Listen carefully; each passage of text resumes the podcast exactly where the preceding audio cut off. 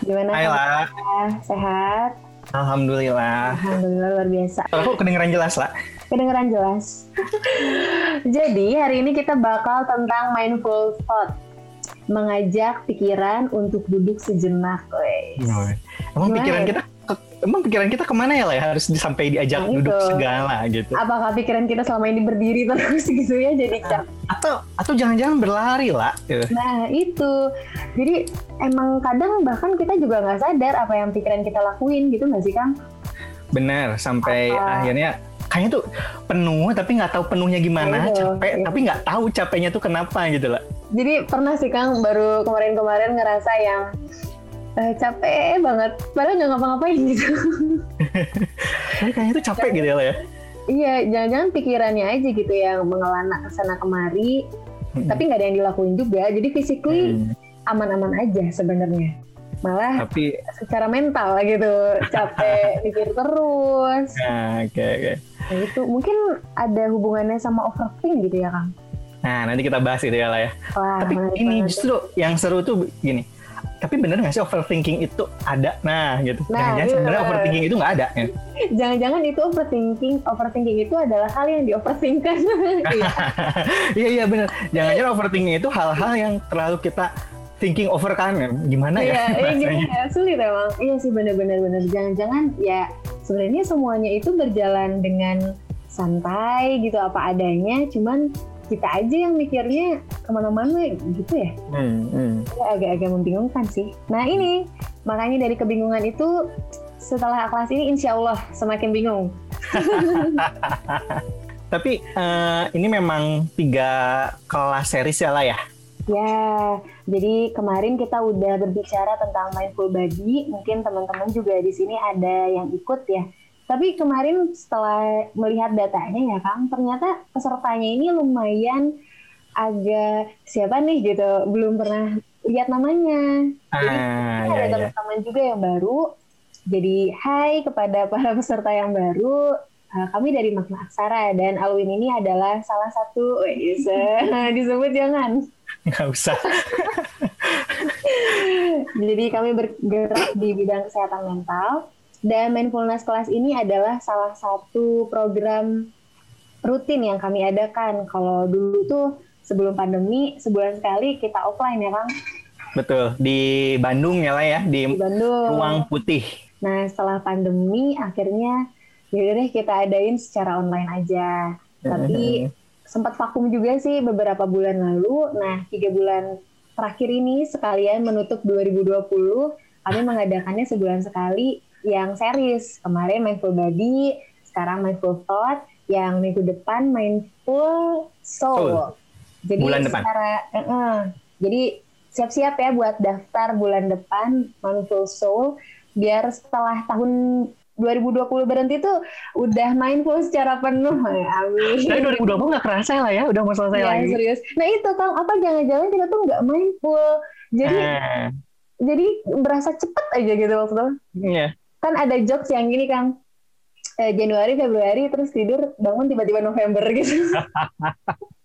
dan itu dan itu seolah kejadiannya maksudnya tinggal sebulan setengah lagi 2020 tuh gitu ya Oh, seolah iya. jadi aneh. Jadi mikir, hmm, udah ngapain aja ya di 2020 gitu kayak. Eh, iya, belum iya. dapat achievement yang bener-bener apa sebenarnya udah dapat achievement cuman tidak disadari gitu. Hmm. Atau jangan-jangan pertanyaannya achievement itu sebenarnya apa sih gitu ya?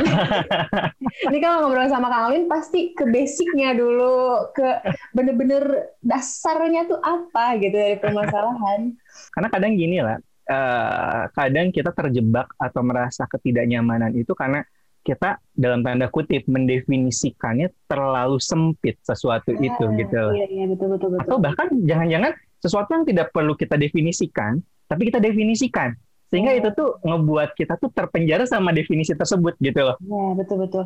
Tapi emang ini nggak sih Kang kadang tuh manusia suka selalu pengen ada penjelasan. Semua hal yang terjadi itu tuh pengen ada Nah, apa sih gitu? Kenapa? ini yang bakal kita bahas. Ini dapat apresiasi dari Teh Aprilia. Terima kasih sudah mengadakan mindfulness class. Pasti diskusinya seru. Ah, makasih. Pasti sih kalau seru. Semoga teman-teman pede banget ya. banget. Semoga teman terima kasih udah hadir teman-teman. Hmm. April juga terima kasih udah hadir. semoga bisa mengikuti kelas ini dan membawa sesuatu gitu dari kelas ini nggak nggak kosong setelah kelas ini jadi tambah ngahuleng kan gimana gitu Hah, Ini nggak apa-apa sih, karena kita juga masih sama-sama belajar ya lah. Walaupun ya, kita betul. di sini dalam tanda kutip so, so ngadain mindfulness, sebenarnya kita juga masih banyak belajar mindful ya. Ya itu, makanya sebenarnya kita ngadain mindfulness itu karena kita nggak mindful. Tapi kan yang yang menarik gini lah, karena hidup mindful itu bukan achievement, bukan tujuan, tapi sebuah proses yang nggak pernah ada iya, habis. Yeah, gitu. Betul betul. Dan ya yes, sometimes juga kita lagi mindful, sometimes juga uh, mindfulnya agak berkurang gitu ya. Hmm. Sometimes kita impulsif banget, sometimes kita iya. terkelola yeah. dengan baik, kita gitu, manusia lah gitu. Cuman seenggaknya di saat kita nggak mindful dan kita sadar kita nggak mindful itu udah menjadi mindful ya Kang? Nah iya bener. Nah, oh, menarik nih kan. Tapi Gimana? Dari tadi kan kita ngomongin mindful, mindful gitu. Tapi sebenarnya mindful itu apa ya? Kan nah, itu dia kan. Karena kan siapa tahu ada yang memang baru gitu loh mendengar. Nah. Oke, okay, halo. Ini mungkin biar kayak seminar-seminar ala-ala. Pada yeah, dari mana nih teman-teman? Komen dong di kolom chat pada dari mana. Karena semenjak online ya kan? Hmm mulai ini dari luar-luar Bandung tuh pada daftar gitu. Nah. Ya, dari Medan. Jadi lebih wah beragam nih ternyata pesertanya gitu. Mm -hmm. Terus. Selamat datang ya para peserta di Mindfulness Class Series kedua ini. Semoga kita bisa berjalan dengan lancar kelas ini dan membawa sesuatu dari kelas ini, mendapatkan suatu insight gitu. Tuh dari Madiun, Kang, Jati. Wow, jauh. Mantap. Terima ya. kasih, April. Terima kasih ya semuanya sudah hadir. Oke, kalau gitu kita serahkan ke Kang Alim. Mangga, Kang. Terima kasih, Lala. Terima kasih, teman-teman. Wow, saya Abid usia 17 tahun, pelajar dari Kudus. Wah, terima kasih, Wah, 17 Abid. tahun udah tertarik ikut kelas ini, keren-keren. Kita 17 tahun masih ngapain ya, lah ya? Wah, masih ngapa-ngapain. Eh, tapi aku 17 tahun itu masih dua tahun yang lalu loh, Oh ya, setuju nggak ya? Oke, teman-teman, terima kasih udah hadir di pertemuan kedua mindfulness. Jadi uh, kita lagi bikin dalam tiga bulan terakhir ini Oktober, November, Desember mindfulness class series teman-teman. Jadi kalau teman-teman pernah ikut yang pertama itu mindful body udah jelasin tentang bagaimana sih kita menyadari tubuh kita, bagaimana kita mengenal alarm-alarm tubuh kita, karena boleh jadi tubuh kita apa yang terjadi sama badan kita, apa yang terjadi sama perilaku kita, itu tuh merepresentasikan. Merepresentasikan tuh uh, artinya menunjukkan apa yang ada di pikiran kita, apa yang ada di perasaan kita, gitu. Nah, hari ini kita akan coba belajar sama-sama, karena saya juga masih belajar ini tuh ya, belajar tentang mindful thought. Bagaimana justru kita menyadari apa sih yang ada di pikiran kita. Karena terkadang isi pikiran kita tuh kayaknya tuh aduh penuh nih, bingung nih gitu. Dan sepertinya ini hal-hal yang memang penting dan perlu kita sadarin. Oke, ini juga udah mulai banyak nih chat-chatnya ada dari Hastira. Wow, dari Mesir. Luar biasa, thank you Hastira dari Mesir. Masih subuh, greget pengen ikutan katanya ya. Terus ada dari Bandung, dari Tangerang, thank you Afida, Silvi, dan semua teman-teman. Nah, jadi teman-teman gini, mindful itu kita belajar sadar belajar sadar. Emang kita selama ini nggak sadar. Kadang, kadang kita itu nggak sadar dengan apa yang kita lakukan sehingga hidup tuh sepertinya autopilot. Autopilot itu segala otomatis. Contoh sederhananya, misalnya ketika kita lagi naik berkendara, hidup kan ya otomatis ya gitu, otomatis. Tapi kadang saking otomatisnya, saya pengen ke sebuah tempat, katakanlah kalau di Bandung saya mau ke Dago, tapi setiap hari itu bolak-balik ke daerah Setiabudi gitu. Sehingga tadinya saya mau ke Dago, karena saya nggak uh, berpikir secara sadar, eh tiba-tiba kok saya malah ke Setiabudi, padahal saya maunya ke Dago gitu. Mungkin teman-teman di sini ada yang pernah ngalamin itu juga. Gitu. Nah, hari ini kita akan ngebahas mengajak duduk ke, pikiran duduk sejenak gitu ya. Dan di sini udah ada Mbak Sasa nih, Mbak Anissa Puji. Nah, Mbak Sasa, selamat pagi, terima kasih udah hadir. Saya tiba-tiba ngerasa tegang ada suhunya di sini lah. Ya, minggu, nah bulan depan tuh Mbak Sasa yang ngisi. Aduh, mohon koreksinya Mbak Suhu. Nanti kita juga di diskusi-diskusi kali ini mungkin bisa nanya-nanya bahasa saya kalau saya nggak tahu jawabannya dan biasanya nggak tahu sih jawabannya saya. Oke, teman-teman. Kenapa sih tadi kita perlu belajar atau memulai dengan uh, mindful breathing gitu ya. Kita perlu berlatih untuk bernafas gini teman-teman. Karena yang namanya nafas itu kan setiap hari kita lakukan, nggak setiap hari, setiap detik kita lakukan. Tapi pernah nggak sih kita sadar gimana caranya kita bernafas?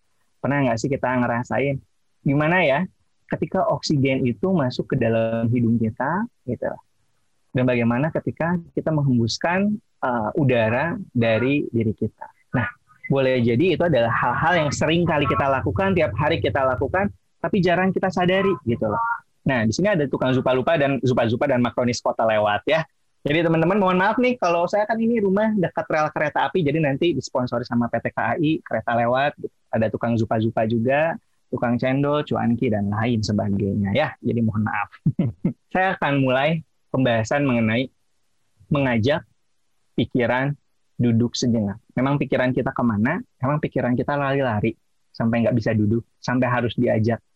Saya akan mulai dari sebuah benda yang bernama benang. Teman-teman bisa ngelihat ini, Pak? Bisa kelihatan nggak, lah? Atau teman-teman bisa kelihatan ya? Di sini ada sebuah benang. Benang. Kelihatan Kelihatan ya, Pak ya? Kelihatan ya, Pak? saya pernah ngisi sebuah kelas, uh, saya pernah ngisi sebuah kelas, saya meminta salah satu partisipannya, pesertanya ke depan, saya kasih benang. Yuk, ke depan, kata saya tuh.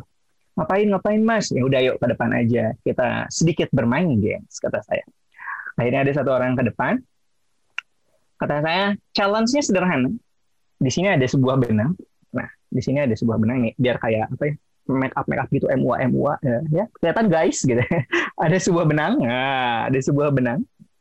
Tugasnya adalah tolong dong itu tolong dong itu ada berapa helai benang ini. Tolong itu ada berapa helai benang ini. Oh seriusan mas? Katanya gitu iya itu challenge nih tolong hitung ada berapa helai benang ini akhirnya dia hitung nih ini satu, dua, tiga, satu menit berlalu, dua menit berlalu, tiga menit berlalu, nggak kelar-kelar gitu. Terus saya katakan, udah udah berhenti tiga menit. Udah tiga menit daripada sejam gitu ya. Jadi sekelas habis sejam cuman buat ngitungin benang gitu. Terus saya nanya, kenapa kok lama ngitung benang? Gitu. Susah mas. Ini banyak banget benangnya. Oke deh, ya udah. Sekarang kata saya, kita ganti Jangan hitung berapa benangnya, tapi itu berapa warnanya. Ada berapa warna di sini? Ada warna apa aja?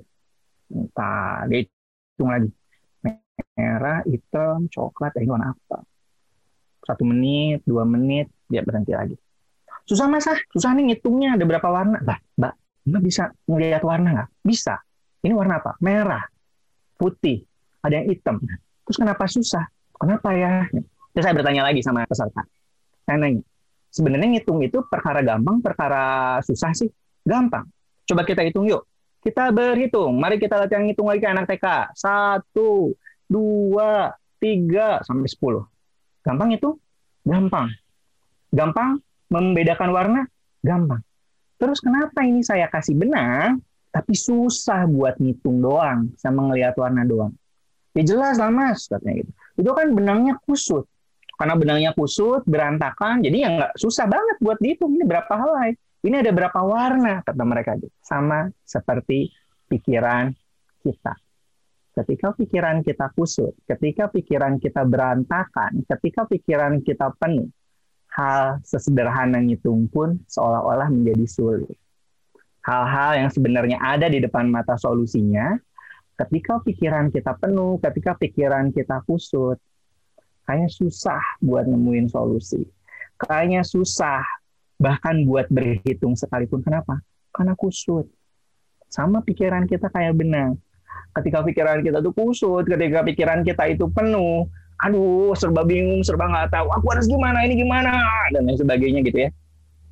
Bahkan hal yang sebenarnya sederhana pun akan menjadi sangat rumit karena kekusutan benang-benang pikiran kita. Maka apa yang perlu kita lakukan? mengurai kekusutan benang pikiran kita. Gimana caranya? Ya tinggal diurai. Tapi, nah ada tapinya. Apakah bisa saya mengurai benang ini sambil olimpiade maraton? oh saya sambil lari wah sampai saya urai gitu akan bisa saya sambil jogging gitu ya atau saya sambil balap motor GP gitu sambil gini gitu in rush gitu ya sangat cepat gitu sambil berlari saya mengurai benang apakah bisa yang perlu saya lakukan duduk sejenak mengurai perlahan sampai pada akhirnya tahu ada berapa jumlah benangnya, ada berapa warnanya. Pun gitu juga dengan pikiran kita teman-teman. Kalau pikiran kita penuh, kalau pikiran kita kayaknya lagi, oh serba berantakan, serba kepikiran, serba bingung. Maka yang dilakukan jangan jogging, yang dilakukan jangan lari. Maksudnya bukan jogging dalam arti sesungguhnya ya. Pikirannya itu jangan jogging, pikirannya itu jangan lari, jangan cepat. Oh, ini gimana? Ah, nanti kalau ini, oh, serba cepat.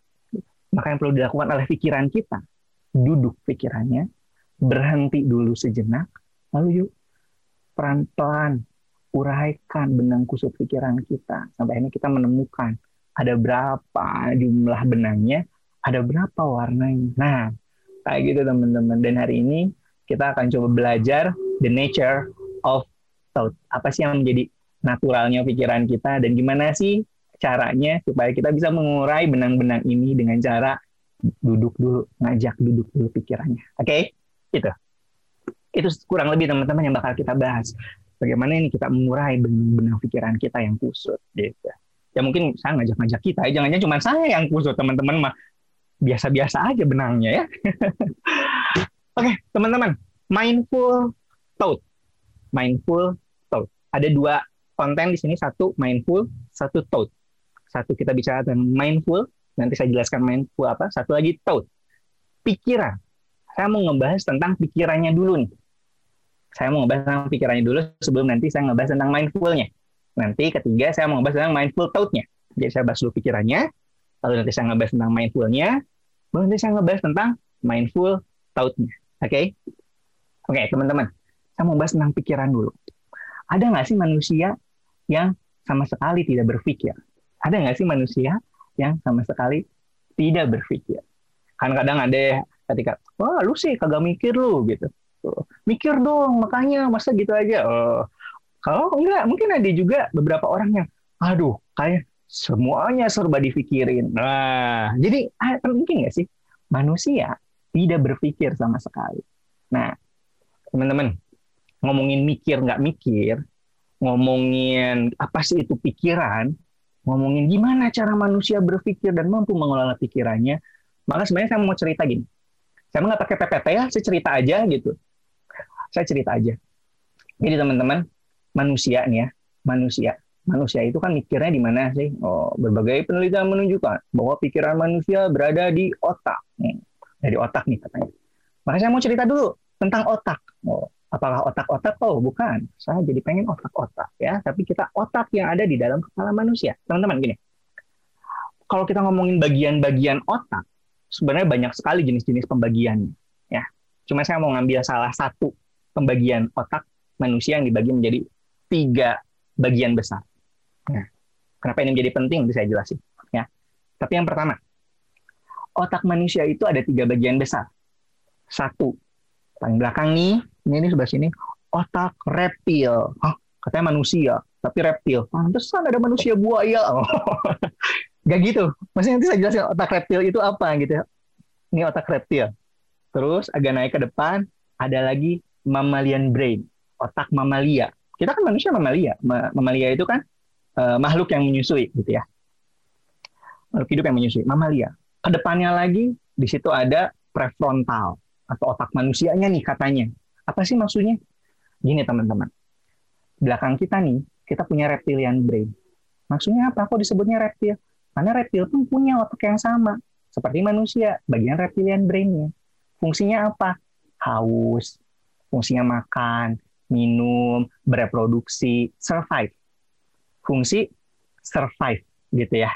Fungsi survive. Jadi si reptilian brain ini juga dimiliki nih sama makhluk-makhluk reptil seperti buaya, seperti uh, kadal, seperti ular gitu ya, untuk fungsi survive. Nah, manusia juga punya otak reptil di bagian sebelah sini nih gitu. Untuk apa? Untuk kita bisa survive ya kali. Kalau kita nggak ada reptil, kita kayaknya kita tuh nggak haus gitu ya, nggak lapar dan nggak mau makan. Loh, saya kuat nggak makan selama dua tahun. Oke, okay. dadah selamat tinggal kalau kayak gitu kan otak reptil berfungsi membuat manusia ya survive oke okay?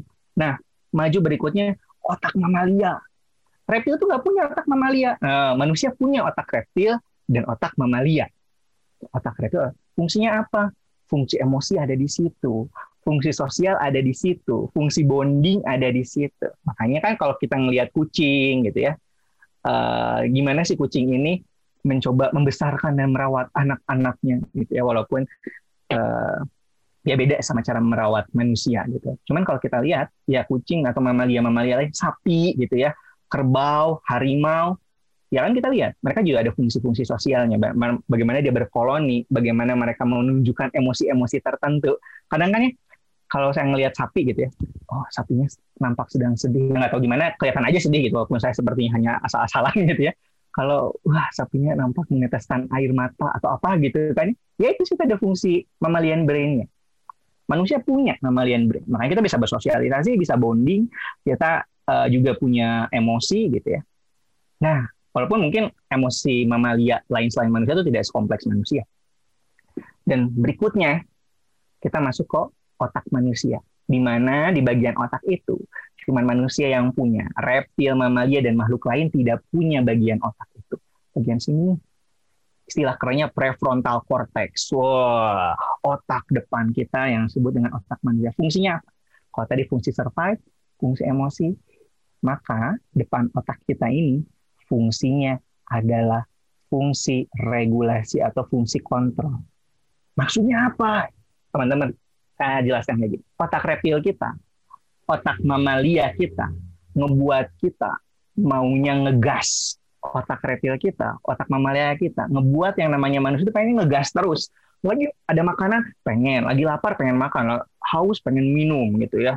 Uh, atau lagi marah, pengennya langsung ngehajar. Lagi pengen kesel gitu, pengennya langsung mukul. Gitu. Ada fungsi ngegas di situ. Nah, manusia satu-satunya makhluk yang dibekali fungsi ngerem. Manusia lewat otak prefrontalnya ini merupakan makhluk yang dibekali fungsi ngerem. Makhluk-makhluk lain, termasuk kita, dikasih nih fungsi ngegas. Wah, ngegas saja terus. Dalam tikungan juga ngegas gitu ya. Gitu. Tapi manusia punya sebuah struktur di depan. Fungsinya adalah buat ngerem cuman manusia yang dikasih kemampuan ngerem lewat fungsi otaknya, fungsi regulasi namanya ya. Regulation brain, fungsi mengontrol. Artinya apa teman-teman? Kita dibekali kemampuan buat ngerem. Kenapa kita terus ngegas? Dan kadang yang jadi lupa manusia tuh lupa ngerem, bukan lupa ngegas. Dan manusia hobinya tuh ya kebanyakan hobi ngegas. Sementara susah ngerem. Maksudnya apa? Impulsif. Impulsif itu kayak gini.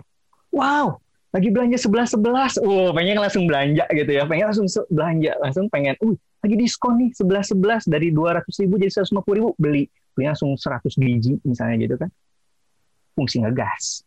Padahal manusia dibekali fungsi ngerem untuk kembali berpikir. Yang menjadikan manusia berbeda sama makhluknya salah satunya adalah kita punya kemampuan ngerem. Bayangkan teman-teman kalau kita bawa mobil atau bawa motor, terus kita sedang menghadapi tikungan, set, oh tikungan tajam, lalu kita nggak ngerem, kita ngegas terus. Apa yang terjadi? Kepleset. Apa yang terjadi? Jatuh. Ketika udah tahu jelas-jelas tikungan, hati-hati tikungan tajam, bukan tikungan teman ya, ini mah ya tikungan tajam. bukan tikungan teman, tikungan tajam gitu. Tapi jangan-jangan tikungan teman juga bisa jadi tikungan tajam ya lah ya. Bisa banget, Kang. Bisa banget. Ya. Udah lah, kita ngomongin tikungan-tikungan ya. Set. Lagi berkendara, melewati tikungan, lalu kita nggak ngerem.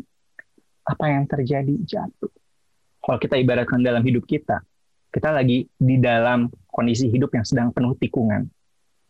Yang butuh dengan kehati-hatian, butuh ngerem, tapi kita ngegas terus. Nah, ketika kita ngegas terus, nggak berhenti sejenak, maju aja terus, nggak ada kita terjatuh. Sama kayak hidup kita. Ketika kita ngerasa sedang berada di tikungan tajam, alias dalam kondisi yang kayaknya serba nggak pasti, penuh dengan tantangan, kayaknya hidup tuh lagi banyak tidak nyamannya gitu. Ya. Kalau kita ngegas, nggak belajar buat ngerem, maka tidak terkendali. Maka yang terpenting itu adalah bagaimana kita belajar buat ngerem. Akhirnya nanti ngerem sama ngegas itu bisa seimbang. Ngerem sama ngegas itu bisa berpadu menjadi satu kesatuan. Ini kita menjadi seorang driver yang tangguh di dalam hidup. Jadi kalau kita mau menjadi seorang driver yang tangguh di dalam hidup, maka kita perlu pintar ngegas, ngerem. Tahu kapan ngegas, kapan tahu ngerem.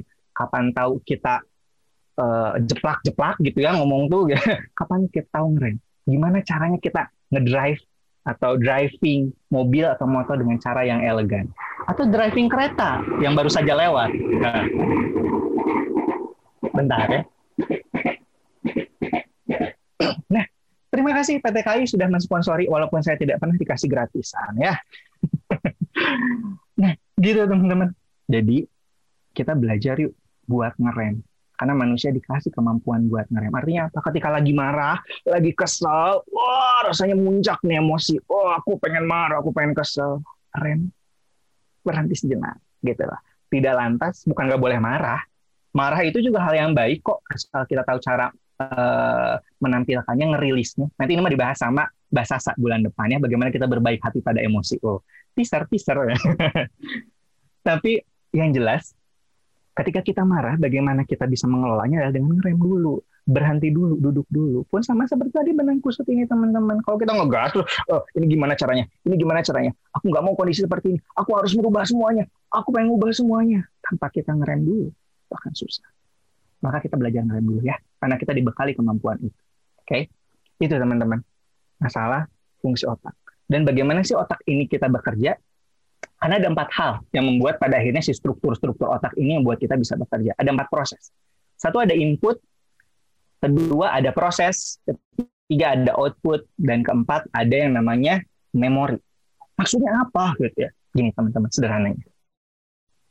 Input itu sesuatu yang kita lihat, sesuatu yang kita cerna, sesuatu yang kita amati, sesuatu yang kita dapatkan oleh aspek-aspek sensoris kita. Sensoris itu mata, bau, uh, pendengaran, kulit, misalnya, hmm, tiba-tiba ada bau-bau tidak sedap. Wah, kan kita masuk nih input, set, masuk memproses. Kayaknya saya mengenal bau-bau ini. Nampak bau telur yang agak-agak busuk gitu. Nah, kan bisa. Akhirnya kita memproses. Akhirnya kita melakukan sebuah output. Outputnya apa? Kita menutup hidung gitu.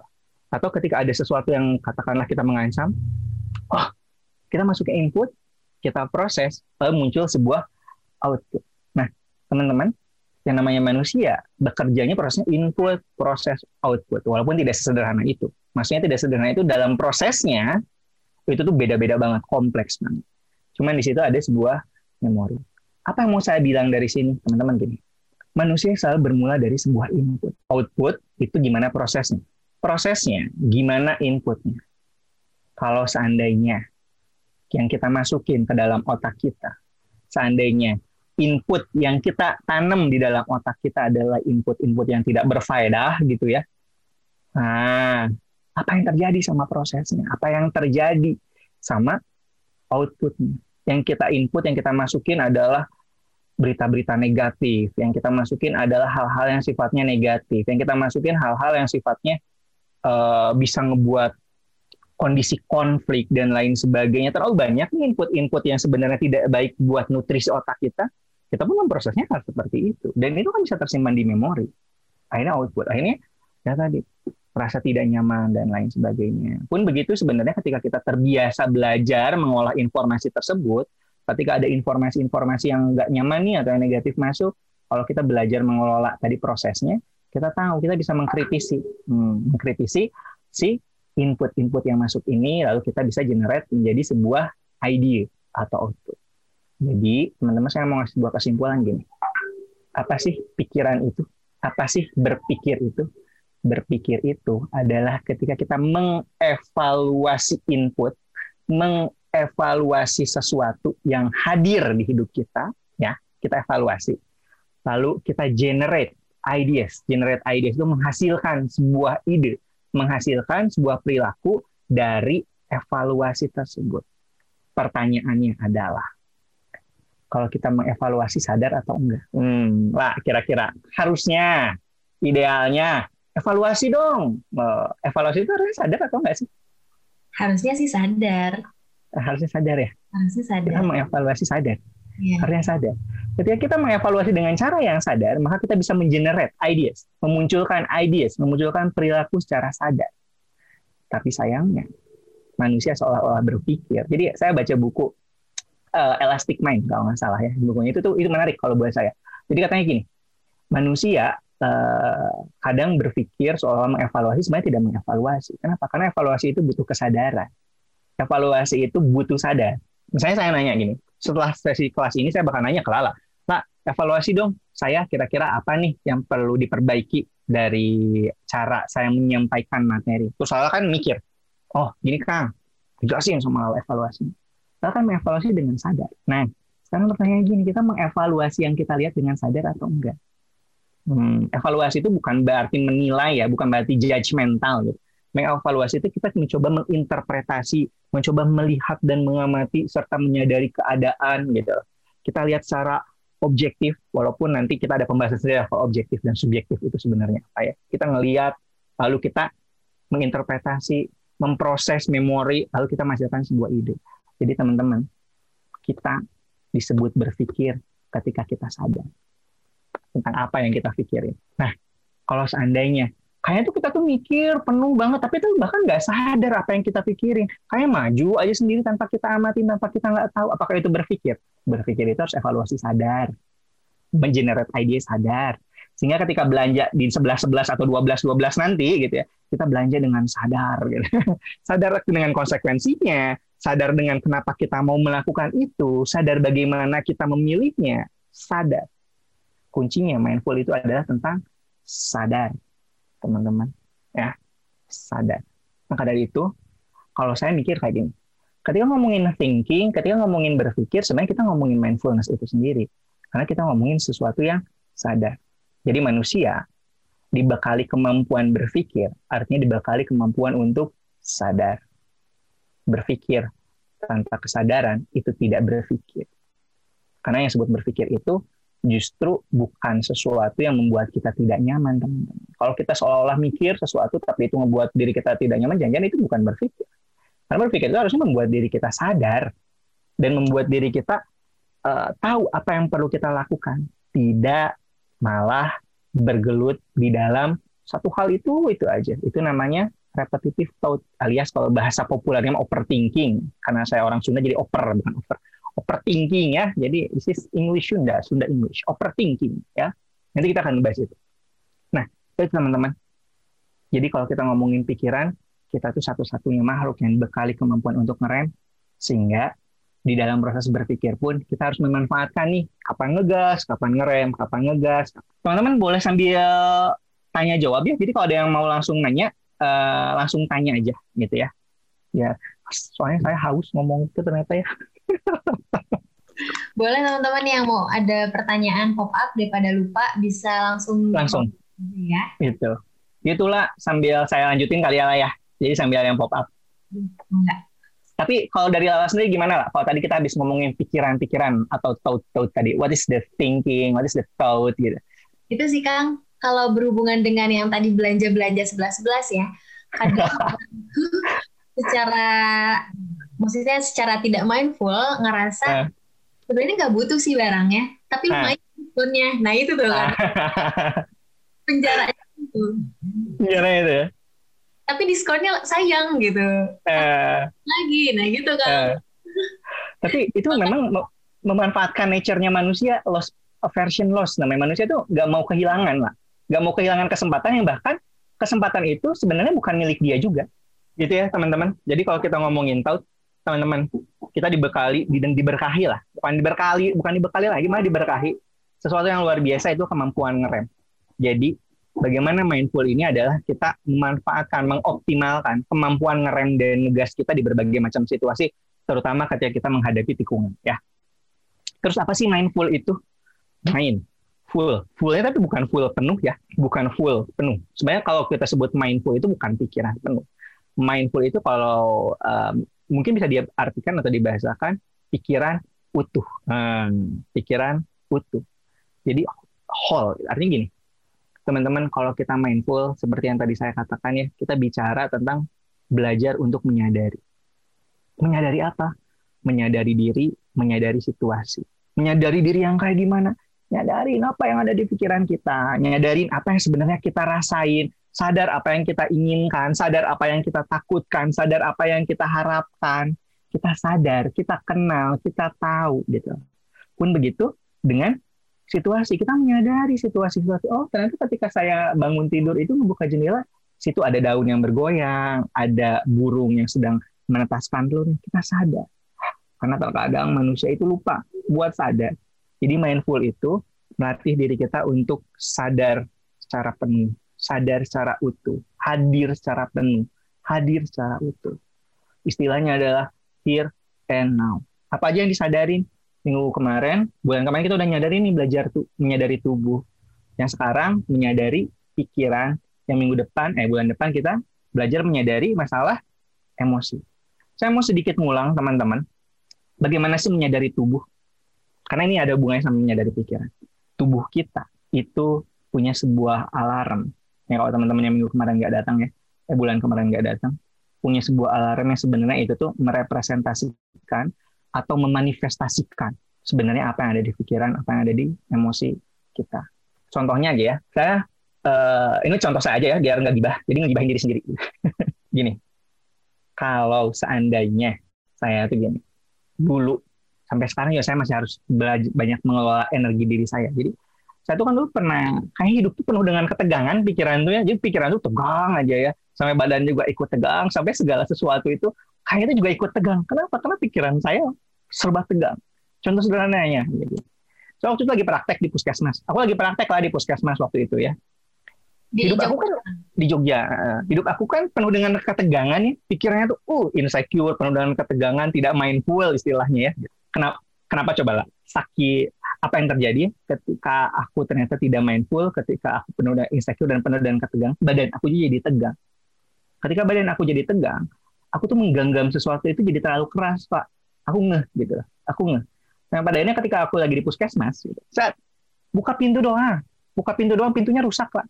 Si pernah oh my god aku harus menyembunyikan ini semua gitu. tapi mohon maaf pemerintah dan puskesmas pihak puskesmas saya membayar pajak jadi harusnya ada dibayar sama pajak saya kerusakan itu. Kalau mendengar mohon maaf saya sudah membayar itu lewat pajak yang ya lumayan ya gitu. Gitu rusak gitu.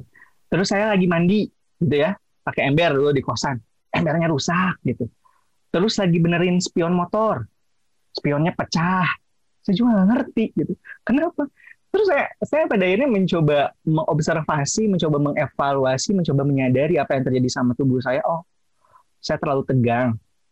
Pikiran saya terlalu uh, penuh dengan ketegangan sehingga termanifestasi termunculkan dari gerakan-gerakan tubuh saya. Kayaknya saya itu menggenggam sesuatu itu terlalu keras gitu. Ketika saya tuh hidup tuh duduk tuh nggak bisa rileks. Oh duduk tegang gitu kan tegang kayak kaku banget gitu. Nggak rileks gitu hidupnya tuh. Kenapa? Karena pikiran saya juga nggak rileks pikiran saya tegang. Akhirnya itu termunculkan termanifestasikan dari tubuh saya gitu. Tegang. Makanya sekarang saya belajar untuk mindful itu ketika minum aja ya. Contoh ngambil ini. Saya tuh kadang coba ngeh gitu. Kenapa saya megangnya terlalu keras? Ngapain? Padahal nggak dipegang keras pun sebenarnya kepegang gitu. Loh kendorin gitu. Atau contoh sederhananya lah, mau ngambil sabun di kamar mandi kan di ini ya di, di kosan tek, di apa ya di cerot-cerot tuh di apa tuh ya ditekan-tekan di push. Itu tuh bisa rusak pak wah kenapa ya gitu? Energinya tidak terdistribusi karena saya nyadar saya itu terlalu banyak tegang hidupnya gitu. Sampai ini saya perlu belajar untuk menyelaraskan rasa tegang itu. Atau di sini ada Shiana nggak sih? Kemarin sih dia ini ya daftar. Ada oh nggak ada. Ada Shiana nggak? Nggak ada ya? Kayaknya nggak ada di kelas sih. Nggak ada ya, lagi nggak masuk. Nah, kalau saya waktu itu juga teman-teman, ini contoh lagi ya, contoh lagi. Saya waktu itu ikut Aikido. Saya ikut Aikido, di mana itu semacam bela diri kayak gitu. Dan saya itu semakin lancar menggunakan gerakan ketika saya tutup mata. Ketika saya buka mata, gerakan saya itu menjadi kaku dan terbata-bata gitu. Akhirnya saya di situ juga sadar, oh itu ketakutan saya sebenarnya ketika menghadapi masalah, menghadapi realita. Saya terlalu takut ngadepin realita. Saya terlalu takut ngadepin masalah. Saya pengennya kabur dari realita. Saya pengennya kabur dari masalah. Itu ditunjukin dari mana? Dari gerakan-gerakan saya. Dan ketika saya mencoba untuk mengubah gerakan saya, mencoba untuk mengelola pikiran saya, nah itu semuanya berubah. Gerakan saya juga menjadi lebih lembut. Karena si Ane itu selalu jadi korban aku lah. Gitu. Jadi kan main akhir itu main banting-banting dia selalu kesakitan karena aku nggak lembut. Gitu. Kasihan si Ane, mohon maaf si Ane kalau ada. karena aku terlalu tegang gitu loh. Terlalu kalau ngadepin masalah itu terlalu geresak-geresuk. Terlalu kayaknya tuh pengen megang ini, pengen megang itu tuh terlalu erat gitu. Sampai yang jadi korban adalah orang lain. Nah, gitu juga teman-teman dalam hidup kita kita perlu belajar menyadari apa yang terjadi sama tubuh kita karena itu merepresentasikan apa yang ada di pikiran kita apa yang ada di emosi kita sampai akhirnya apa yang perlu kita pelajari adalah yuk ubah dulu ketika megang sesuatu nggak perlu terlalu erat akhirnya aku belajar lah menggenggam sesuatu terlalu erat itu ada dua kemungkinan merusak yang kita genggam atau membuat tangan kita sakit karena kita menggenggam sesuatu terlalu kuat. Pun begitu dengan hidup kita. Ketika kita punya keinginan yang terlalu kuat, ketika kita terlalu posesif sama sesuatu, bukan sama hubungan atau orang aja, terlalu posesif sama sesuatu, terlalu menginginkan sesuatu, terlalu menggenggam erat yang kita miliki, pilihannya dua. Merusak yang kita pegang atau ngebuat diri kita sakit. Maka normal aja. Nggak perlu, ya wajar kalau manusia takut kehilangan. Tapi apa sih yang abadi di dunia ini? Ya, jadi tak ada yang abadi. Iya, kayak Peter Pan, kayak Ariel ya. Tak ada yang tak abadi. Saya nggak mau nyanyi, nanti fales. Kan bubar kelasnya. Nanti bubar kelasnya gitu kan. Nah, teman-teman, jadi saya mau bilang ini, menyadari pikiran pun kita bisa lihat dari bagaimana tubuh kita bekerja. Tubuh ini memberikan alarm tentang apa yang ada di pikiran kita, tentang apa yang kita rasain. Gitu. Ya, jadi yuk kita lihat tubuh kita kayak gimana. Aduh ini terlalu tegang, aduh ini terlalu kayak gimana pun begitu pikiran-pikiran itu kita sadarin juga.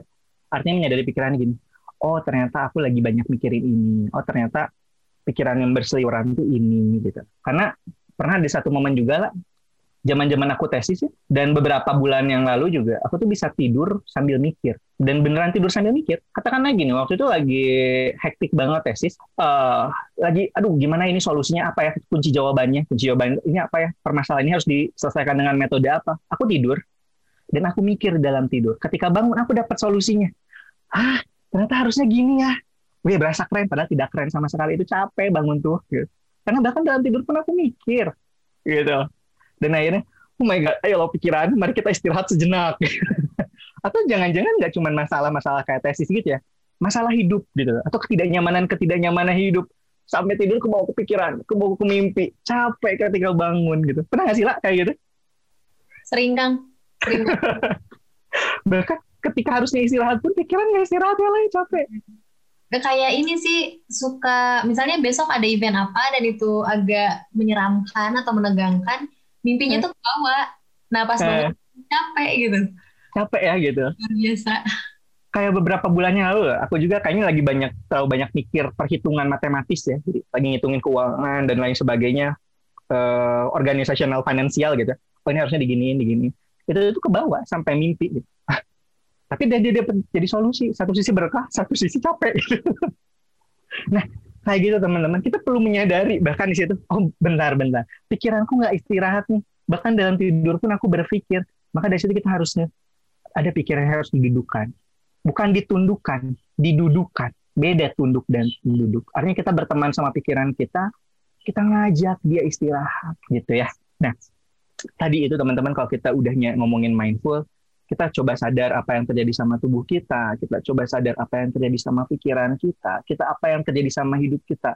Coba kita refleksikan, coba kita amati, coba kita sadarin.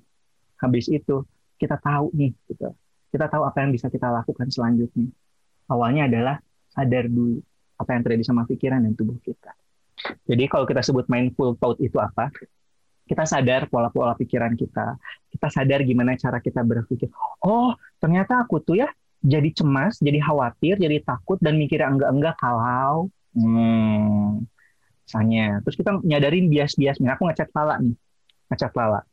Tiba-tiba Lala nggak balas. Oh, aku tuh ternyata kalau nggak dibalas sama Lala tuh langsung pikiran aku tuh ke mana-mana. Ah, kayak gitu. Jangan-jangan Lalanya marah. Jangan-jangan Lalanya kenapa-napa. Jangan-jangan aku salah ngomong kalau misalnya nih Lala lagi punya gebetan, enggak, aku nggak mau ngomongin dia sendiri. Curang. Ya, Lala lagi punya gebetan, misalnya ini mah ya. Nggak tahu kalau beneran juga terserah itu mah. Udah aku nggak tahu. terus salah ngechat tiba-tiba nggak dibalas. Oh my god tidak dibalas. Jangan-jangan dia selingkuh. Selingkuh apa? Jadian juga belum gitu kan. Jangan-jangan dia sedang jalan bersama wanita lain. Jangan-jangan dia sedang oh banyak jangan-jangannya. aku. Jangan dia sudah mulai melupakan aku. Kita sadar pola-pola pikiran itu teman-teman kita sadar apa yang sebenarnya kita pikirin artinya apa kita belajar sadar mana drama mana realita kita belajar menyadari mana drama-drama pikiran kita, mana sebenarnya realita. Karena manusia itu kadang terjebak sama drama pikirannya sendiri, teman-teman. Dan kita nggak sadar kita tuh lagi drama. Gitu. Aku sedih karena dia tidak membalas chatku. Jangan-jangan dia selingkuh. Anjing-anjing di zoom banyak kan gitu. Enggak gitu. Mana drama, mana realita. Kita perlu belajar sadar sama pikiran kita sendiri dengan cara apa. Yuk pisahin sebenarnya mana drama, mana realita. Nanti kita bahas itu detail agak-agak akhir. Cuma saya mau bilang, apa sih mindful thought itu? Kita sadar sama isi pikiran kita.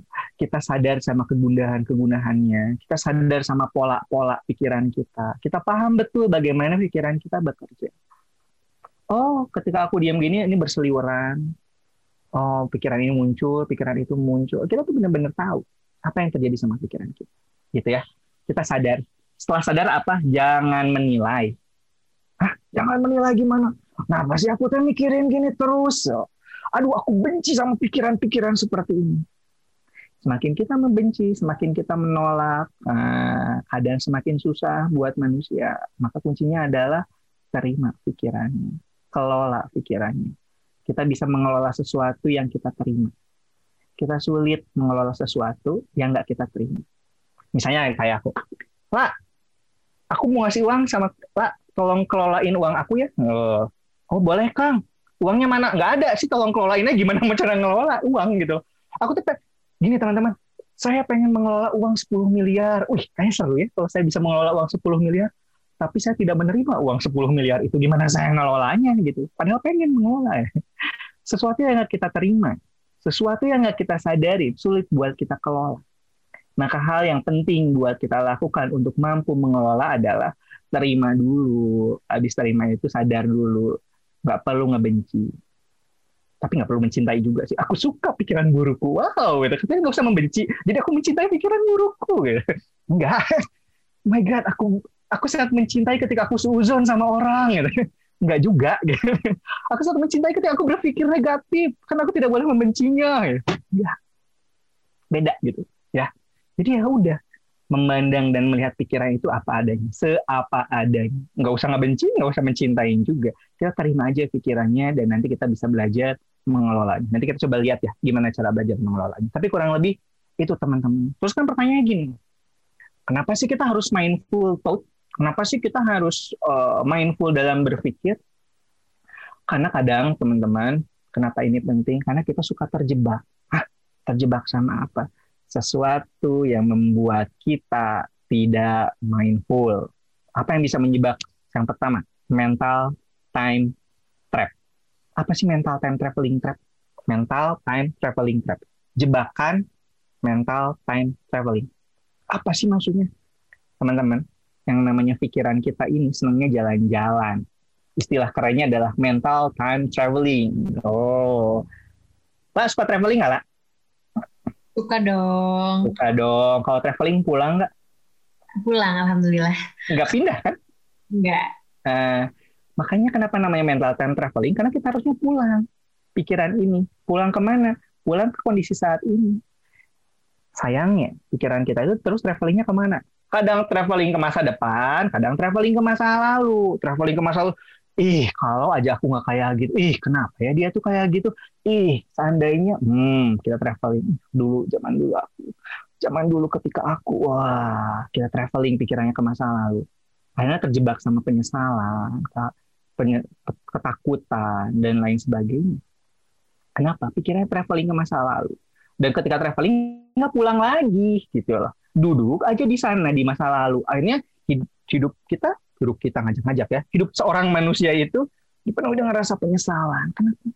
Karena jalan-jalan pikirannya ketika jalan-jalan nggak mau pulang.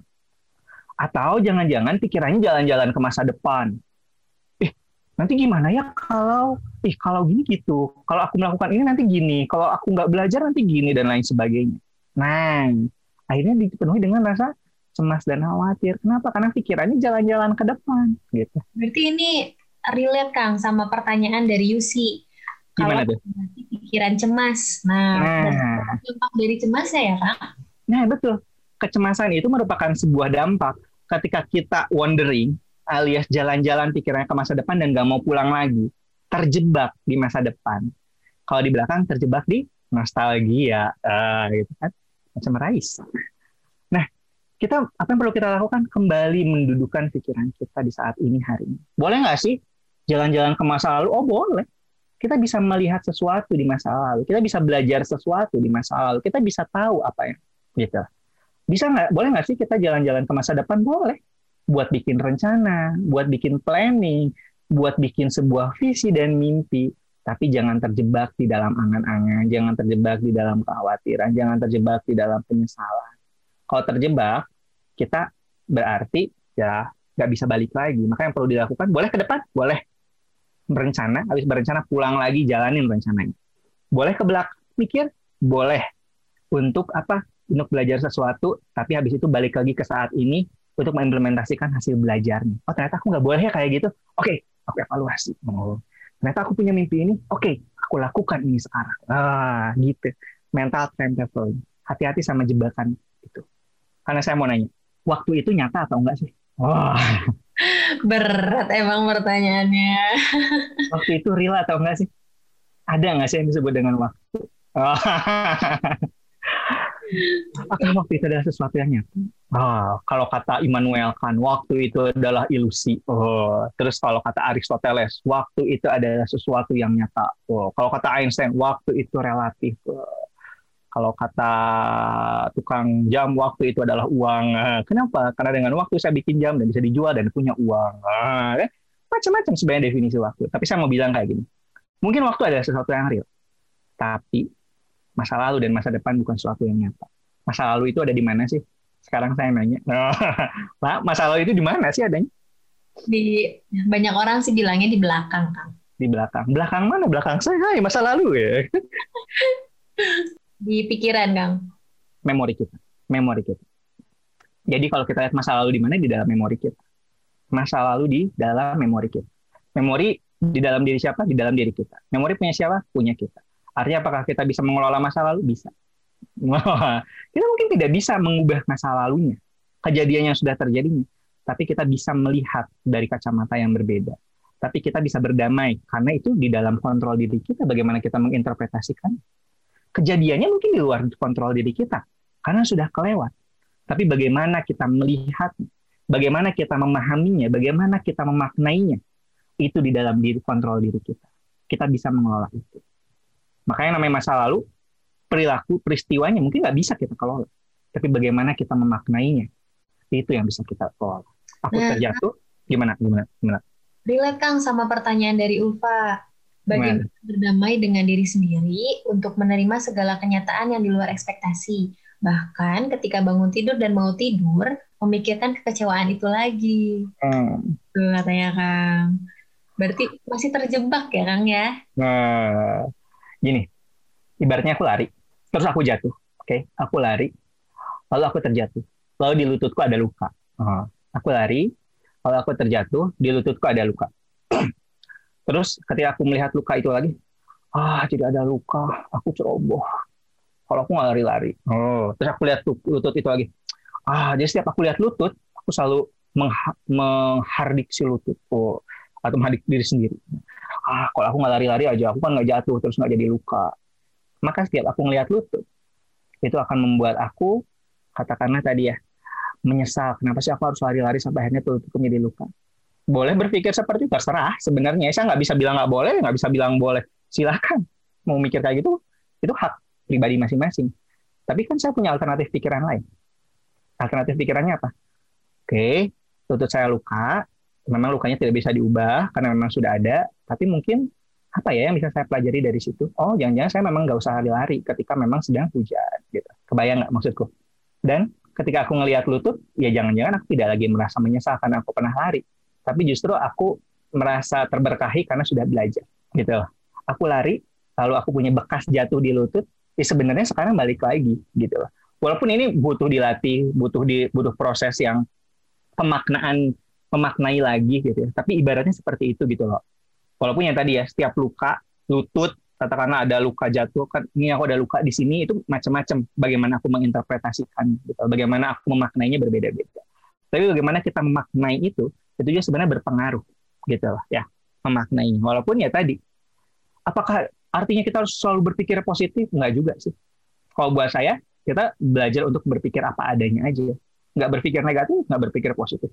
Oh my God, luka. Pasti luka ini akan membawa kebaikan di hidupku saat suatu saat nanti. Aku percaya itu. Bagaimana caranya? Ya udah sekarang kan faktanya adalah ya luka, ya udah luka aja gitu loh. Pas aku jatuh ada cowok ganteng yang bantuin. Nah iya.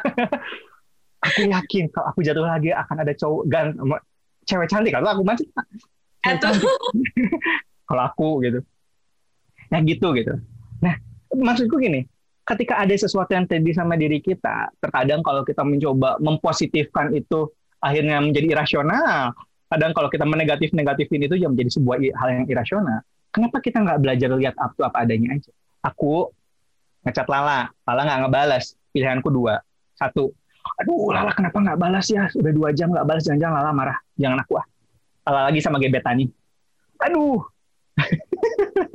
kenapa dia nggak balas-balas? Chatku udah dua jam gitu. Jangan-jangan dia uh jangan-jangan dia sedang salah oh dan lain sebagainya. Itu kan kalau kita mau melihat seperti itu. Atau bisa jadi kan Lala berpikirnya sangat positif. Hmm pasti dia sedang memikirkan bagaimana chat terbaik dan ngebuat aku baper setelah kelepek-kelepek. Oh. Baik, aku akan berpositif thinking saja. Pasti dia sedang memikirkan cara membuat aku jatuh hati kepadanya. Oh, Lalu mencoba berpikir baik, jangan-jangan dia suka sama aku. Wah, baiklah. Kan bisa kayak gitu. Dia oh, bisa mikir kayak gitu. Tapi kan kalau kita berpikir apa adanya, oh, udah dua jam nggak balas ya udah. Faktanya adalah dua jam nggak balas. That's it. Kita nggak pernah tahu apa yang sedang dia lakukan. Iya nggak? Tapi kan kadang yang manusia lakukan ini nyambung sama yang kedua ya. Ketika tadi yang pertama adalah mental time traveling, kita jalan-jalan ke masa lalu lalu nggak lupa pulang atau jalan-jalan ke masa depan lupa pulang. Maka berikutnya adalah sebut dengan cognitive bias. Bias. Bias gimana? Terlalu banyak asumsi. Hmm, hidup kita ketika terlalu banyak asumsi itu melelahkan teman-teman gitu. Kayak tadi, jangan-jangan dia sedang bersama wanita lain. Jangan-jangan dia sedang memikirkan cat cantik uh, untuk membuat aku baper. Nggak usah berasumsi.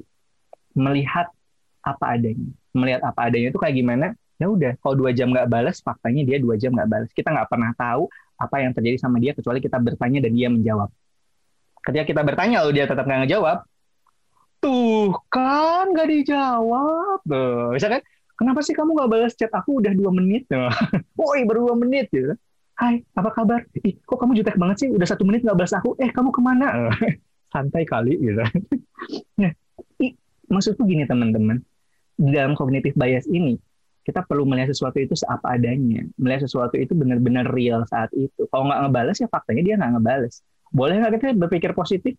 Ya terserah teman-teman. Bahkan kita berpikir negatif itu ya hak teman-teman tapi berhati-hati gitu. Ketika kita berpikir negatif, ya, ih, jangan-jangan dia lagi jalan sama orang lain.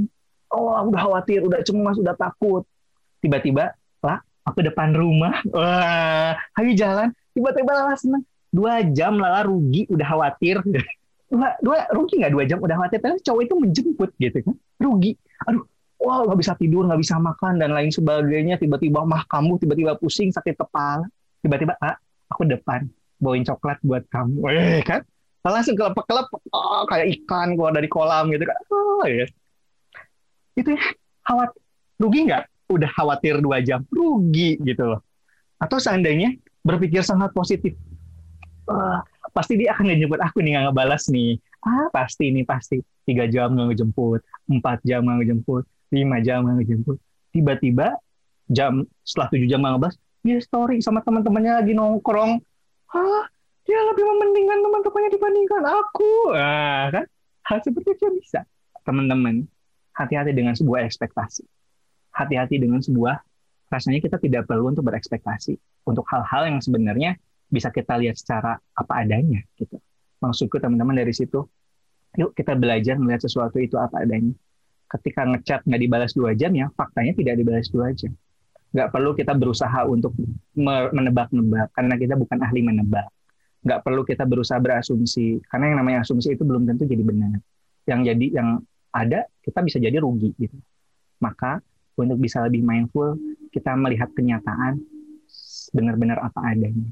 Tidak perlu menebak, apalagi kita berasumsi nggak perlu berusaha menebak secara positif, nggak perlu berusaha menebak secara negatif. Kita lihat itu apa adanya, gitu ya teman-teman ya. Dan hati-hati kalau kita terjebak di dalam tadi mental time traveling trap, mental time traveling trap, jebakan mental time traveling ya. Atau terjebak sama cognitive bias, kita pun bisa menjadi repetitive thought atau bahasa kerennya adalah overthinking. Walaupun kalau secara psikologi sebenarnya saya nggak pernah nemu literatur ilmiah konsep overthinking yang ada repetitive thought. Kenapa sebut repetitive thought? Karena mikirnya diulang-ulang, repetitif. Gimana ya kalau, gimana ya kalau, gimana ya kalau, gimana ya kalau. Sementara kalau kita ngomongin thinking, thinking itu tadi generate idea, generate solusi. Dia nggak balas, aku nggak tahu kenapa, solusinya apa, aku tanya. Selesai. Dibandingkan berasumsi. Thinking itu generate idea.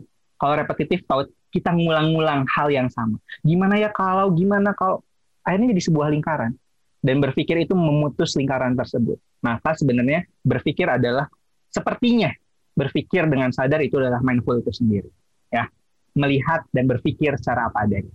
Oke, okay?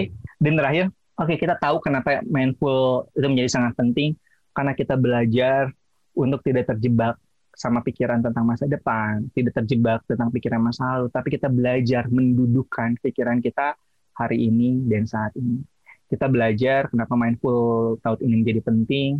Kita belajar untuk tidak terjebak pada asumsi, pada ramalan, pada tebak menebak.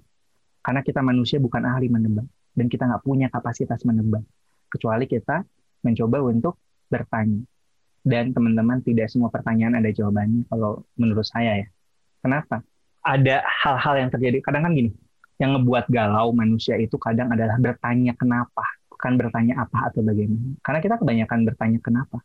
Kenapa sih dia tega sama aku? Kenapa ini terjadi di dalam hidupku? Kenapa harus aku? Why me? Kenapa harus aku? Kenapa? Kenapa? Kenapa? Mungkin ada jawab ada situasi-situasi yang ada jawabannya, ada situasi-situasi yang nggak ada jawabannya gitu. Kenapa ini terjadi sama aku? Mau nanya sama siapa? Contohnya, aku lagi jalan ini, ini contoh yang juga sering aku uh, contohin. Aku lagi jalan, aku cinta kebersihan, aku tidak mau kotor sama sekali, karena buat aku berani kotor itu tidak baik. Misalnya ya, aku berpikir itu. Gitu. Wah, aku sampai saking cintanya kebersihan, ada mobilnya lagi mepet ya, lagi parkir, aku lewatnya udah kayak setuh langsing, ya, gitu kan? Aku tidak mau menyentuh kotor sama sekali. Oh, aku pakai baju rapi, bersih. Tiba-tiba, ketika aku jalan, ada sesuatu yang terbang dari langit. wah berbahan amonia nih dengan bau-bau yang hmm, lumayan enak gitu kan. Hah? Burung sialan misalnya gitu kan ternyata itu burung yang lupa WC-nya ya. Burung yang lupa WC-nya ternyata nempel di uh, pundakku. Lalu aku bilang, "Ah, oh my god, di sini ada kotoran burung. Kenapa ini terjadi padaku?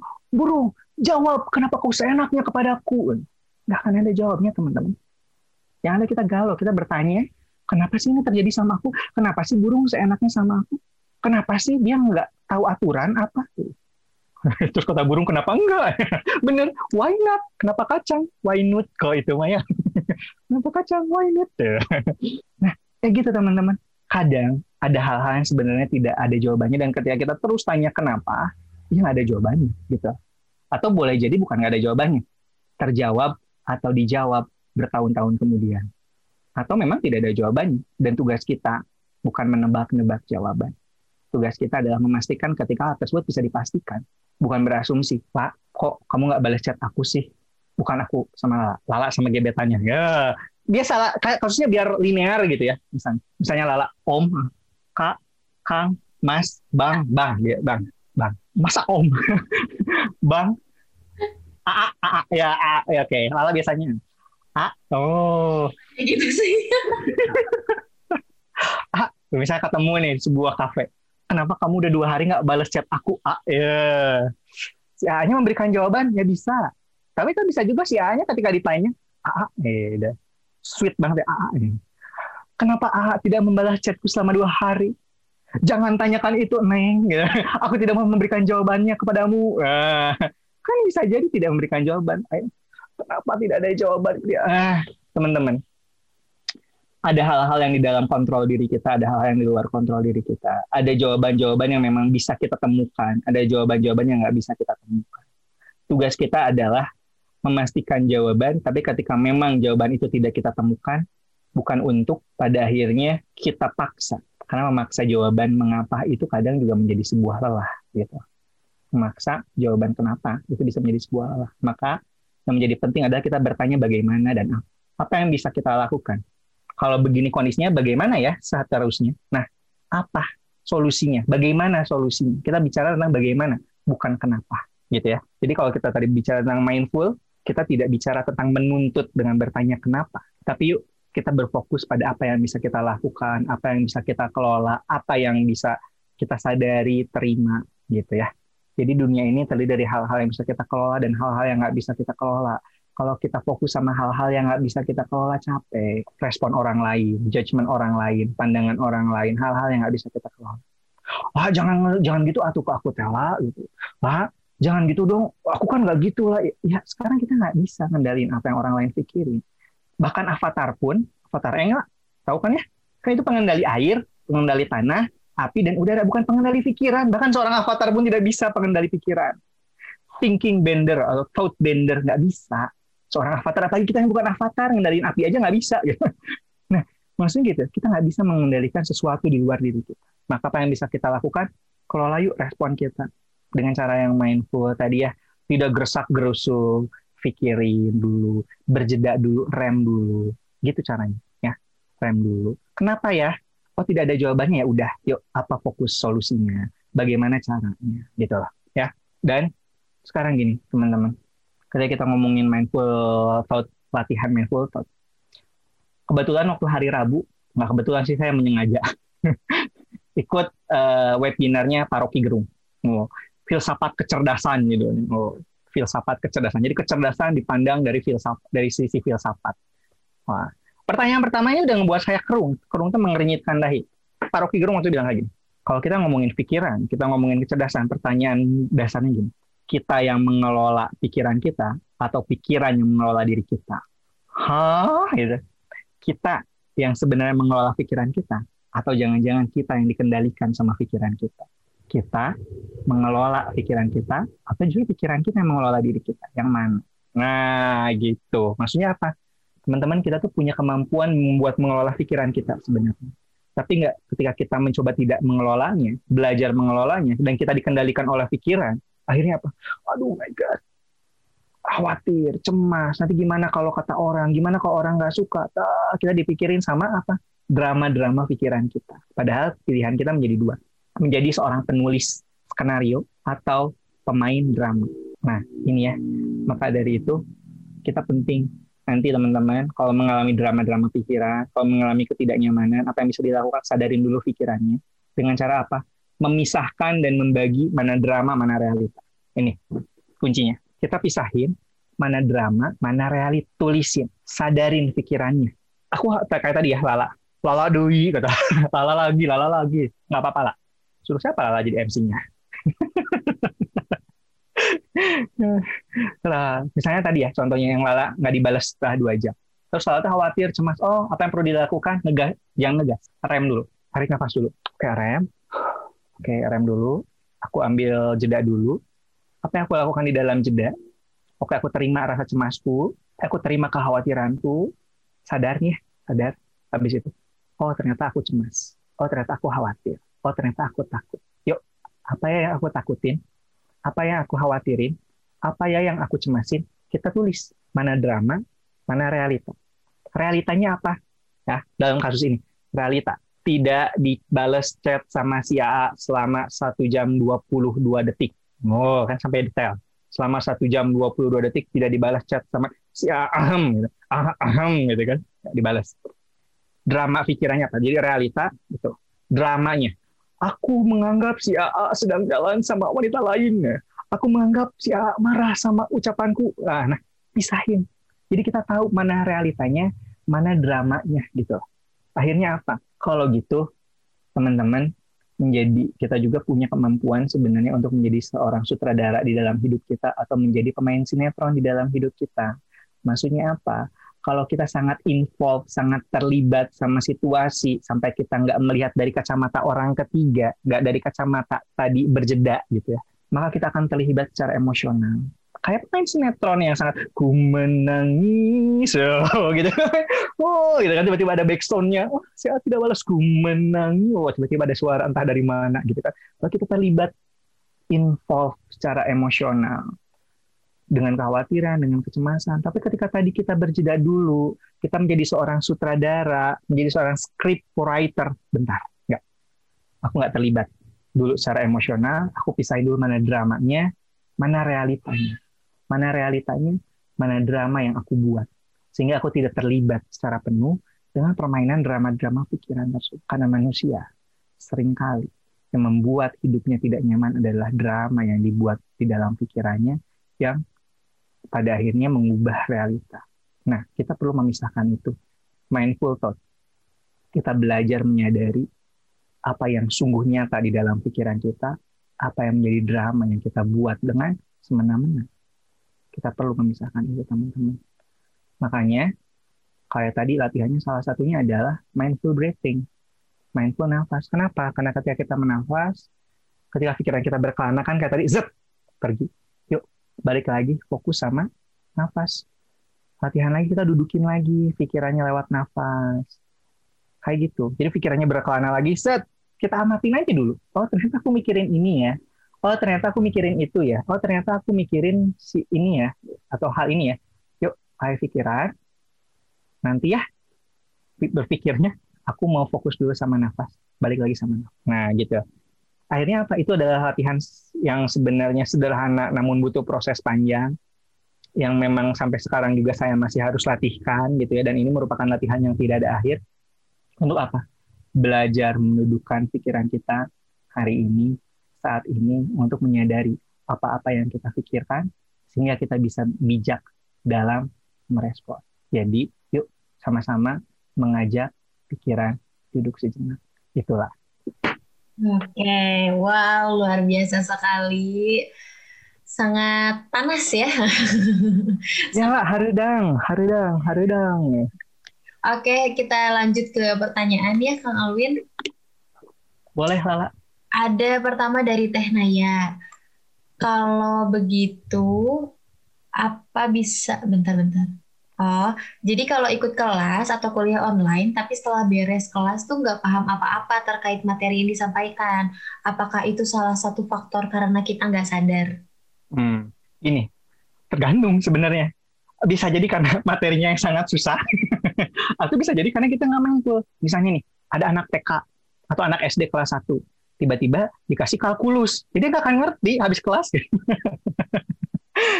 Maksudnya gini, teman-teman ada banyak sekali faktor yang menentukan katakanlah aku lagi kelas online nih gitu. Terus aku nggak ngerti apa yang disampaikan. Bisa jadi memang kita lost awareness. Artinya kitanya memang sedang tidak sadar, pikiran ke mana-mana, lagi berkeliaran si pikirannya gitu ya. Atau ya memang mata kuliahnya susah dan kita butuh waktu yang lebih lama untuk mendigest. Mendigest apa ya? Mencerna informasinya gitu lah. Kan banyak faktor ya.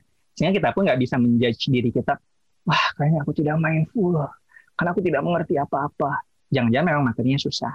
Tapi yang penting, nah ini juga teman-teman, belajar mindful itu belajar untuk tidak judgmental. Belajar untuk compassion. Compassion itu berulas asih, mencintai diri sendiri. Artinya ketika kita bicara tentang berulas asih, mencintai diri sendiri itu bukan berarti seenak-enak. Aku mencintai diri sendiri loh, sehingga aku nggak mau belajar ah karena aku cinta karena belajar itu susah gitu. karena aku cinta sama diriku sendiri. Aku nggak mau menyusahkan diriku dengan belajar. Bukan gitu. ada tukang yakul. Aku suka beli yakul soalnya. Nah eh, maaf ini disponsori oleh tukang yakul. Nah gitu ya. Jadi ketika kita tadi belajar dan lain sebagainya yang penting buat kita kita aware dulu. Kitanya duduk nggak pikirannya. Kita fokus nggak dengan apa yang kita pelajari Nah, setelah kita sadar, kita tahu, kita yakin, oh enggak kok aku fokus dengan apa yang kita, dengan apa yang aku pelajari. Cuman memang uh, mata kuliahnya agak lebih susah sehingga ini mah mata kuliah yang butuh didiskusikan dengan teman ya udah nggak apa-apa sebenarnya. Ya, jadi belajar juga untuk tidak menjudgment diri sendiri, tapi bukan berarti juga seenaknya sama diri sendiri. Kata dia, berwelas asih, compassion, mencintai diri sendiri itu bukan berleha-leha, tapi bukan juga memaksa dan uh, judgment sama diri sendiri. Tapi aku harus bisa ya kalau memang itu menjadi sebuah keharusan dalam mata kuliah dan harus bisa ya berarti belajarnya harus lebih giat lagi. Jadi apakah mindful bisa mempengaruhi kita loss sebuah mata pelajaran atau pembelajaran? Bisa. Jadi kita tidak mindful, bisa jadi kita agak susah nangkep. Tapi bukan berarti kalau susah nangkep itu gara-gara nggak mindful, kebayang ya. Jadi intinya kita harus sadar, harus fokus, here and now ketika kita belajar sesuatu. Itu aja. Perkara bisa atau nggak bisa, berarti kita memang perlu mencari strategi lain. Ketika kita udah mindful, udah mindful nih, tapi tetap masih agak susah, cari strategi belajar. Gitu. Nah, itu strategi belajar jatuh. Gitu, Lala. Oke. Okay. Yang selanjutnya, oh ini nanya ini yang tadi mental, apa namanya kan? Traveling. Time traveler. Nah, mental, traveling. Time. Time. Mental, time, traveling. Okay. Mental, mental, time, waktu, traveling. Jadi si mentalnya traveling terhadap waktu gitu. Mental, time, traveling. Oke, okay. tadi ada yang nanya.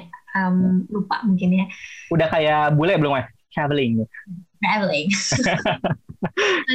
bule dari, cibiru. Itu ya. Mau tanya, kalau asumsi kita ke seseorang selalu negatif, apa itu bisa disebut masih belum bisa menerima hal-hal menyakitkan yang pernah dilakukan orang itu? Oke, okay. katakan lagi. Apakah gimana? Apakah ketika kita berasumsi negatif terhadap seseorang, hmm. artinya? Ada kita belum bisa nerima tentang hal-hal yang udah dia lakuin ke kita gitu, hal yang menyakitkan. Oke, okay. sekarang kita ngomongin penerimaan. Kita ngomongin acceptance. Apa sih acceptance itu? Wah, gitu kan? Apa sih? Ketika disebut menerima itu apa sih? Kalau buat saya teman-teman, penerimaan itu bukanlah sebuah hasil. Penerimaan itu bukan sebuah result atau tujuan. Penerimaan itu adalah sebuah proses. Jadi ada sebuah artikel ilmiah menarik. Dia bilang lagi, gimana sih caranya supaya kita bisa menerima sesuatu? Apa caranya? Gimana caranya supaya kita bisa menerima sesuatu? Sebelum melakukan penerimaan, maka yang menjadi penting adalah aware. Balik lagi tuh ke konsepnya tadi aware, sadar. Sadar apa? Sadar terhadap respon kita terhadap orang lain. Misalnya kayak tadi ya, terhadap dia oh ternyata respon emosiku kalau ketemu dia atau ngelihat dia tuh masih gini loh nah ternyata respon perilakuku atau respon pikiranku satu memang aware dulu kita perlu aware dengan apa-apa yang terjadi sama diri kita respon emosional respon pikiran respon fisiologis jadi katanya satu yang memang perlu dilakukan adalah aware dulu habis aware tadi sebenarnya konsep-konsep yang udah sempat aku jelasin yang kedua adalah berjeda jadi kita memberikan jarak antara respon dan stimulus.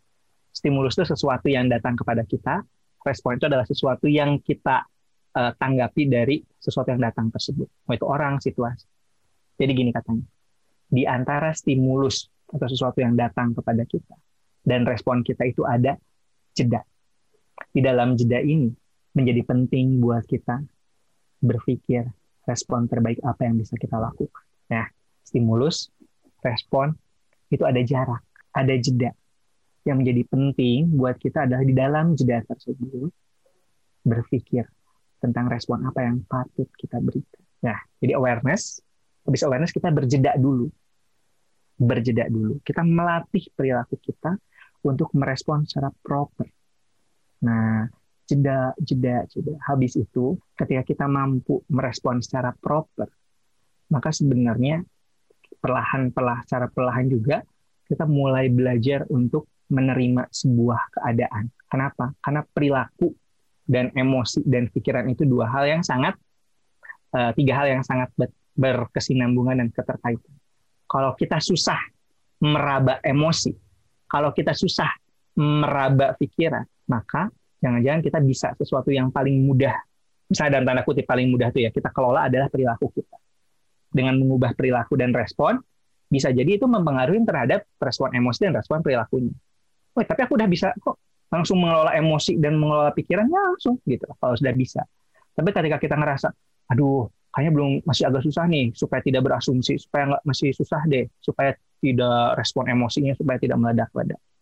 Tiba-tiba kan respon perilakunya yang bisa kita kelola gitu. Tapi katakan boleh nggak sih ketika aku marah aku tidak ketemu orangnya dulu karena aku kalau ketemu takutnya langsung marah-marah. Ya boleh. Itu yang disebut dengan jeda. Cuman pertanyaannya di dalam jeda itu apa yang kita lakukan? Gitu teman-teman. Jadi untuk acceptance itu aware, habis itu berjeda. Dan apa yang kita lakukan di dalam jeda itu? Tergantung. Apakah kita justru menggerutu, atau kita mencoba mengevaluasi situasi, mengevaluasi diri dan kondisi. Nah, acceptance itu akan muncul di situ. gitu. Dan teman-teman gini, katanya ketika kita sudah accept, automatically, uh, secara otomatis, kita mampu mengelola situasi, mengubah situasi yang memang bisa kita ubah. Nah, gitu. Jadi kalau tanya tadi, aku berasumsi nih sama orang dan lain sebagainya gitu. Yuk, sekarang kita sadari dulu kondisi dirinya gitu. Kondisi kayak gimana. Yuk, belajar berjeda, memisahkan drama dan realita gitu. Belajar pada akhirnya situ untuk menerima nanti. Kayak tadi dulu, aware dulu, habis itu berjeda, memisahkan drama dan realita. Nah, ke situ dulu. Dan satu lagi lah, kalau kita ngomongin masalah kok aku ngelihat sesuatu itu negatif terus ya. Misalnya tidak hanya dalam bukan dalam konteks ini. Kok aku ngelihat sesuatu itu negatif terus. Kok kayaknya segala sesuatu di dunia ini kok aku tuh kayaknya selalu ditimpa keburukan. Kok kayaknya aku tuh selalu ditimpa hal-hal negatif dalam hidupku. Kayaknya segala sesuatu yang dalam hidupku tuh negatif semua. Bukan apa yang terjadi sama kita, tapi kita salah pakai kacamata. Hah? Maksudnya gimana? Kalau aku pakai kacamata hitam, apa yang aku lihat selalu gelap. Bahkan ketika aku di luar, lalu aku pakai kacamata hitam, ih hari ini gelap sekali ya. Terus kata Lala, gelap apanya? Kurang cerah gini. Ih gelap tahu aku mah. Nah, ke dalam ruangan. Gelapnya di dalam ruangan. Padahal aku udah nyalain. Kata Lala, cerah tahu. Gelap ah. Sok ke mana-mana ngeliatnya gelap aja. Oh jangan-jangan, ya memang bukan situasinya yang gelap. Aku pakai kacamata yang terlalu gelap. Aku pakai kacamata hitam. Maka apa yang aku lakukan? Aku perlu bercermin ketika bercermin pantesan aku ngeliatnya gelap ternyata aku pakai kacamata hitam teman-teman aku lepas ah wow cerah oh, kan bisa kayak gitu maka apa yang perlu lakukan bercermin ngaca kita lihat bagaimana cara kita memandang dunia apakah menggunakan kacamata hitam atau sebenarnya kita menggunakan kacamata yang mana kalau aku melihat di tengah gelap itu menggunakan kacamata hitam maka mungkin aku perlu melihat kacamata-kacamata lain nah kayak gitu kurang lebih lah Oke, terima kasih Kang jawabannya. Karena waktu udah menunjukkan jam 11.34, tapi ini ada satu pertanyaan terakhir, mungkin bisa dijawab sekalian closing statement ya Kang Alwin? Boleh. Oke, pertanyaan dari Tenindia. Untuk fokus ke persoalan respon situasi dibandingkan alasan terjadinya sesuatu, apabila peran kita sebagai listener, bagaimana supaya jatuhnya bukan sebagai dismissive listener, sejauh mana kita bisa empatetik tapi tetap bisa menuju ke arah yang solutif. Oke. Okay. Uh, eh, sebagai pendengar, gimana ya supaya kita tuh bukan menjadi pendengar yang meremehkan gitu ya, dismissive. Listener itu kan meremehkan ya, yang mendengar yang meremehkan. Ih, masa gitu aja nggak bisa. gitu kan? jauh mana kita empatetik tetapi tetap bisa menuju ke arah yang solutif. Wih, keren nih ini keren. Dismissive listener bisa empatetik tapi menuju arah yang solutif. Teman-teman, memang kunci menjadi seorang pendengar itu adalah empati. Berbeda, jadi gini, kalau dalam bahasa Inggris kan ada hearing and listening. Ada hearing and listening. Kalau hearing itu udah kita ngedengerin aja gitu. Sebenarnya kalau kita listening, kita deep understanding. Kita memahami, lalu kita Eh, memahami secara mendalam. Kita benar-benar tahu, kita benar-benar nangkap setiap respon, setiap ucapan yang dia lakukan. Itu listen, gitu ya. Nah, sebenarnya gini, yang memang perlu dilatih adalah supaya kita bisa menjadi pendengar yang baik. Justru tadi, kunci pertamanya adalah empati dan genuine. Dua, empati dan genuine. Yang perlu kita latih adalah empati dan mindfulness melatih kita untuk empati. Kenapa? karena kita melihat sesuatu secara apa adanya tanpa asumsi. Karena kita kalau kita pakai asumsi, kita nggak bisa empati dan nggak bisa menjadi pendengar yang baik. nggak bisa lah, sulit lah ya, karena kita nggak tahu sih bisa atau enggak sebenarnya ya. Gitu. Maksudnya gini, uh, terakhir ya, maksudnya gini, ketika aku bisa belajar untuk mindful, melihat sesuatu apa adanya. Ketika orang cerita kan aku tidak melihat sesuatu di balik orang. Ih jangan-jangan kamunya aja yang, oh jangan-jangan dianya. Kita dengerin, kita pahamin, respon secara mindful. Artinya apa? Kita melihat sesuatu apa adanya. Makanya ketika memang berasumsi, agak susah buat kita melihat sesuatu itu apa adanya. Maka kuncinya adalah mindful. Dengan mindful, salah satu kunci lah ya, salah satu kuncinya adalah mindful dengan begitu, kita belajar empati, melihat sesuatu apa adanya, sehingga kita bisa menjadi seorang good listener. Teman-teman, mungkin segitu dulu, karena memang sudah azan juga di sini ya, gitu ya. Nanti mungkin mudah-mudahan ke depannya kita bisa diskusi lebih lanjut lagi. Tapi yang jelas gini teman-teman, yuk sama-sama buat kita berlatih menyadari dan memahami pikiran kita, memisahkan mana drama, mengenai realita. Cepat mungkin kadang dibutuhkan, tapi tidak harus selalu. Ada waktunya, ada masanya, ada saatnya kita butuh istirahat. Pikiran kita butuh duduk sejenak. Maka ajakannya adalah yuk mari sama-sama kita belajar buat ngegas dan buat ngerem secara proporsional. Ya, ngegas dan ngerem secara proporsional. Bukan ngegas terus, bukan ngerem terus, karena kalau ngerem terus nggak maju ke mana-mana. Kalau ngegas terus bisa berbahaya, maka kita proporsional antara ngegas dan ngerem. Dengan cara apa? Kita penting dan perlu mengajak pikiran duduk sejenak. Teman-teman, apa yang saya sampaikan belum tentu adalah sebuah kebenaran, maka yuk cari terus, belajar terus untuk bisa melihat kebaikan dan kebenaran. Itu aja biasa. Terima kasih Kang Alwin atas pemaparan, atas closing statement dan jawaban-jawaban diskusinya juga. Seru banget kelas kali ini. Terima kasih banyak kepada para peserta yang telah hadir. Semoga dari kelas ini kita bisa mendapatkan sesuatu hal yang berdampak dalam kehidupan kita kemudian. Amin. Semoga kita bisa lebih mengerem apa yang kita pikirkan. Dan gasnya jangan lupa, jangan ngerem doang. gasnya harus tetap jalan, remnya juga jalan. Oke, kalau gitu saya tutup. Terima kasih banyak Kang Alwin sekali lagi atas pemaparannya, atas waktunya. Terus terima kasih kepada para peserta yang sudah hadir. Semoga kita bisa bertemu di lain kesempatan. Oke, dan jangan lupa bulan depan ikut kelas bahasa Tunggu ya seminggu sebelum kelas biasanya udah ada di Instagram Makna Aksara. Oke, saya tutup. Assalamualaikum warahmatullahi wabarakatuh. Terima kasih teman-teman.